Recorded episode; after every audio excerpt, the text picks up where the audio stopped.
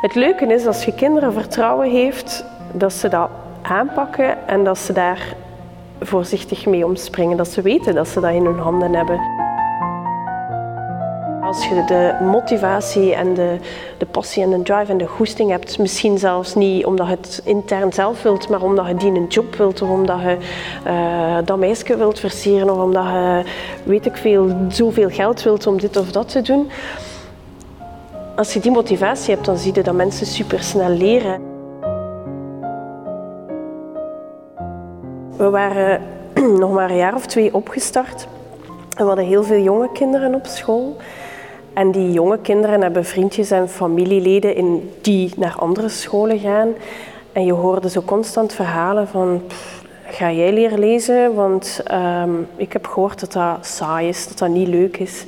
Ja, nee, ik denk niet dat ik ga leren lezen, want uh, dat is veel te lastig. En mijn, mijn neefje zegt dat je alle dagen daar twintig minuten letters moet en dit en dat. Dus je kreeg zo'n discours en discussie onder de kinderen van tussen de, de vijf en, en de, de, de zeven, acht jaar van lezen, leren lezen, dat is saai. En wij zitten op een school waar dat niet moet. Hier wordt er geen verplichting gesteld. Hier moet je niet leren lezen. Wij gaan niet leren lezen dat was heel erg eng. Dat was, dat was eng van oei, dat was niet de bedoeling. De bedoeling is dat, dat kinderen hier leren mm leuk. Allee, dat, dat leren iets is wat dat een evidentie is. Of wat dat, het is niet altijd makkelijk. Um, maar ook daar hebben we niet per se ingegrepen of echt zo een limiet gesteld van ja, maar nee, je moet. Want wat dat je wel doet is zeggen van ja, maar lezen is ook wel interessant. Want als ik kan lezen, dan weet ik wat dat er morgen op de schoolmeeting besproken wordt. Als ik kan lezen, dan kan ik uh, meer te weten komen over hoe dat ik in Minecraft dit of dat moet bouwen. En we hebben dat eigenlijk relatief uh, compleet eigenlijk met rust gelaten. En als ik nu drie, vier jaar later kijk, zie ik dat al die kinderen kunnen lezen. Ze hebben allemaal op een andere manier en op een ander tempo leren lezen.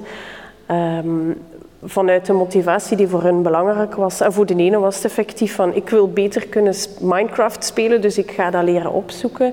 Voor iemand anders was het van ja, die strips zijn leuk en die prentjes heb ik nu al gezien, maar wat zou daar nu eigenlijk bij staan? Dat zijn toch mega opgelucht als je in stilte dat die beginnen te lezen op een bepaald moment. Ja, je bent opgelucht. Ik denk zeker als, als je kind later leert lezen dan de norm. Mhm. Maar wat is de norm ook? Als we zien in Vlaanderen, hè, kinderen moeten zoveel worden van kleins af aan dagelijks. In, in, vanaf dat ze zes zijn, moeten ze leren lezen en worden, moeten daarmee bezig zijn. En heel veel kinderen zijn daar op dat moment nog niet aan toe. En dat wekt frustratie op, dat wekt uh, ook angst op, want soms kunnen ze het op die moment niet en dan wordt er gezocht naar oei, mijn kind heeft een probleem, misschien heeft het dyslexie, misschien heeft het dit of dat. Het aantal labels dat wij tegenwoordig op mensen en vooral op kinderen plakken is exponentieel gegroeid, dat is fenomenaal. En volgens mij klopt dat niet, volgens mij zijn we echt fout bezig, zijn we echt door daar zo op te zitten problemen aan het creëren. Allee, wanneer dat jij leren lopen hebt en ik leren lopen heb, dat weten we niet. Maar we kunnen wel alle twee even goed wandelen. Dat is hetzelfde met lezen. Bedoel, dat zijn dingen die je ontwikkelt en die, die de... Een keer dat je ze kunt ontwikkelen, die verder en verder en verder. En, ja.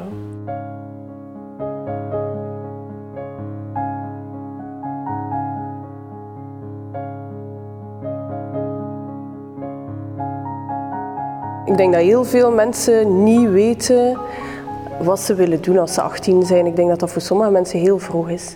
En als ik 18 was, dan ben ik naar de universiteit geweest. Het idee van, ja, dat is wat dat iedereen eerst doet. Je gaat eerst naar de universiteit en daarna zie je wel.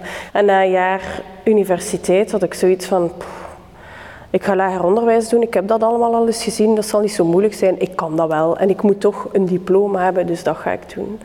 En zo ben ik daar eigenlijk aan begonnen. Dus niet echt met een passie per se voor, voor onderwijs, absoluut niet. En ik vond mezelf eigenlijk ook niet echt uh, een goede leerkracht of zo. Ik voelde wel, als ik voor de klas stond, er wrong iets. En als ik daar nu op terugkijk, is dat, is dat zo het feit dat, dat je een agenda hebt die je meekrijgt van hoge hand, die je moet afwerken. Maar je zit in een klas met, met, met 10, 20 kinderen en die hebben ook allemaal een agenda en die matchen niet altijd. En dat is iets dat, ja, dat ik nu weet dat voor mij heel hard wrong. Zo, dat... dat je zo moest domineren of zo. Of dat je dat je wat moest manipuleren om... Ja, ik denk vooral dat.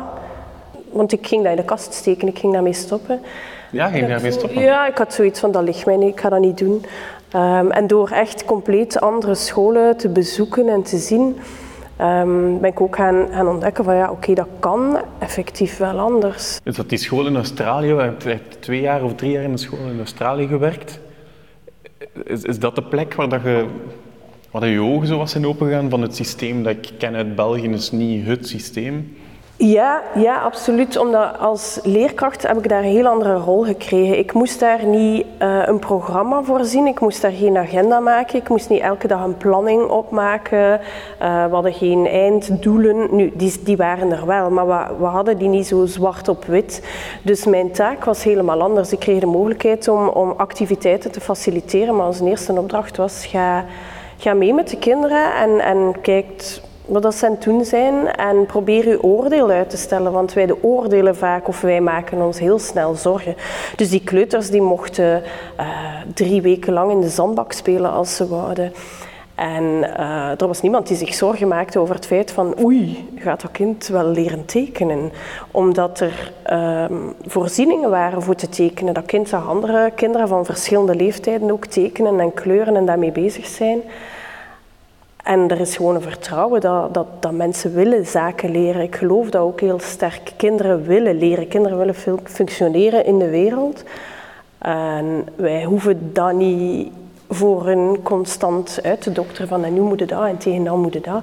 Nee, zij weten dat zelf en zij, zij willen dat ook heel graag als je dat openlaat. Ik weet dat ik door die stap terug te zetten eigenlijk kinderen kon gaan observeren als mensen inderdaad. En niet meer als die kleine wezentjes die nog van niks weten en die zo naïef zijn. En dat ik eigenlijk met mijn eigen ogen kon vaststellen van, amai, kinderen hebben zoveel capaciteiten, zijn zo leergierig, zijn zo capabel om, om zaken te leren. Als kinderen in een sociale context zitten, waar dat ze in aanraking komen met mensen van alle leeftijden, met mensen met verschillende gedachtegoeden, dan um, zijn ze eigenlijk zeer goed in staat om daar dingen uit te plukken die voor hen van belang zijn en een mening mee te vormen.